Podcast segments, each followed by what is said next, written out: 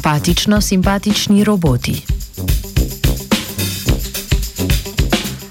Pri ljudeh je empatija zelo pomemben del spoznavanja in komunikacije, saj nam omogoča, da se poistovetimo z drugimi.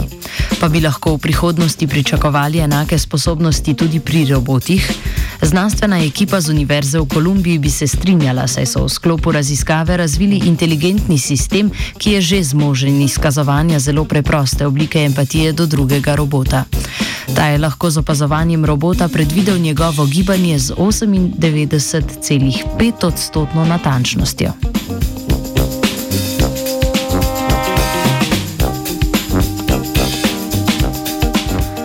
Večina že obstoječih inteligentnih sistemov si pri predvidevanju strojnega vedenja pomaga s predhodnim znanjem o okolju, robotu, ki ga opazujejo in njegovi nalogi.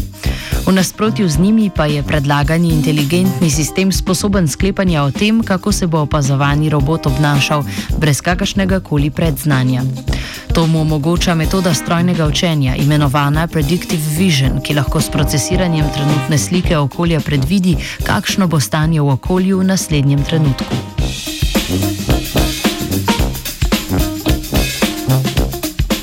Znanstvenice in znanstveniki so predstavljeni inteligentni sistem preizkusili z eksperimentom, v katerem se je tako imenovani opazovalni agent poskušal naučiti, kako predvideti vedenje premikajočega se robota. Naloga robota je bila doseči zelene pike, ki so se nahajale v prostoru, njihovih lokacij pa robot zaradi ovir ni mogel vedno zaznati. Opazovani agent je njegovo vedenje spremljal iz ptiče perspektive na mesto iz perspektive robota. V tem kontekstu je bil test empatije torej naslednji.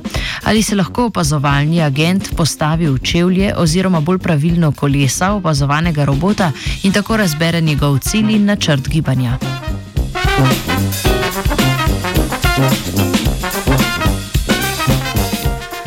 konca eksperimenta se je opazovalni agent naučil, kaj so zelene pike, kaj je ovira in kaj je naloga robota.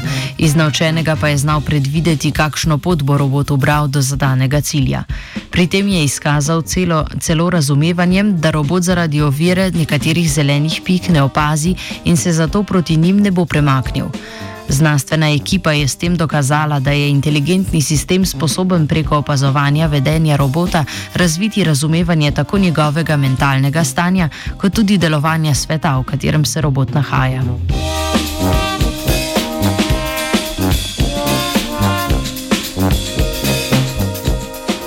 V čevlje umetne inteligence se je za vas postavila vajenka Rebeka.